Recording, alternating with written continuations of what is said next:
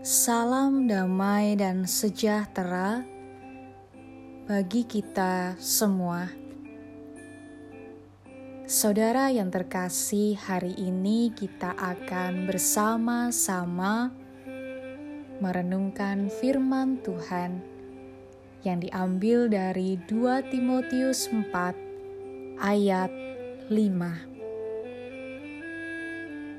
Tetapi kuasailah dirimu dalam segala hal, sabarlah menderita, lakukanlah pekerjaan pemberita Injil, dan tunaikanlah tugas pelayananmu. Menguasai diri.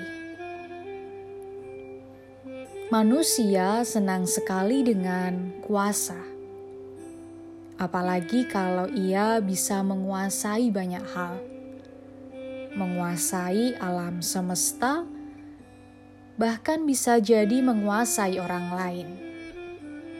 Ada sebuah kepuasan dan kebanggaan tersendiri yang dirasakannya. Tetapi ketika orang sibuk dengan kuasa dan menguasai yang lain, ada satu hal yang ia lupakan yaitu menguasai diri sendiri. Sibuk menguasai yang lain, tetapi lupa untuk menguasai diri sendiri. Mengapa demikian?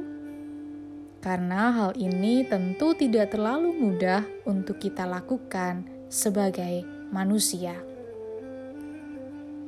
Begitu juga dalam suratnya ini, Rasul Paulus juga menasehati Timotius untuk bisa menguasai dirinya dalam segala hal.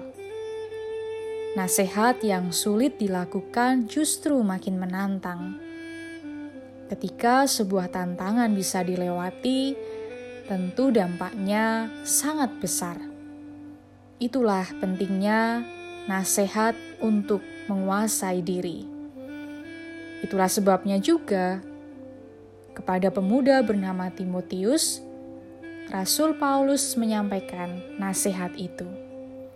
Sekalipun masih muda, perlulah Timotius memiliki kemampuan untuk menguasai diri. Paulus sadar betapa pentingnya kemampuan menguasai diri bagi Timotius, karena ia dipercaya sebagai guru dan pemberita Injil. Paulus optimis bahwa keterampilan penguasaan diri bisa dilatih oleh Timotius. Syaratnya, ia harus mau membiasakannya.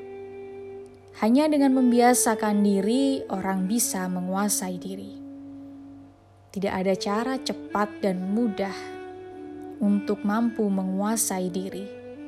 Diperlukan segala ketekunan dan kesabaran Begitu juga dalam masa prapaskah ini.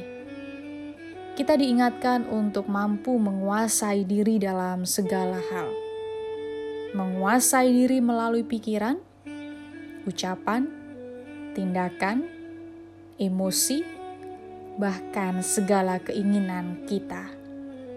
Tentu tidak mudah, tetapi tekun, bersabar, dan memohon tuntunan Tuhan, semua akan mampu kita lakukan.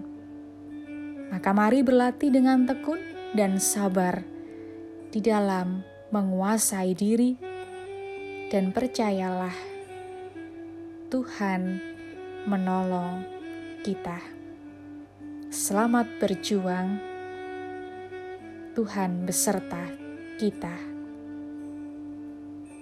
Amin.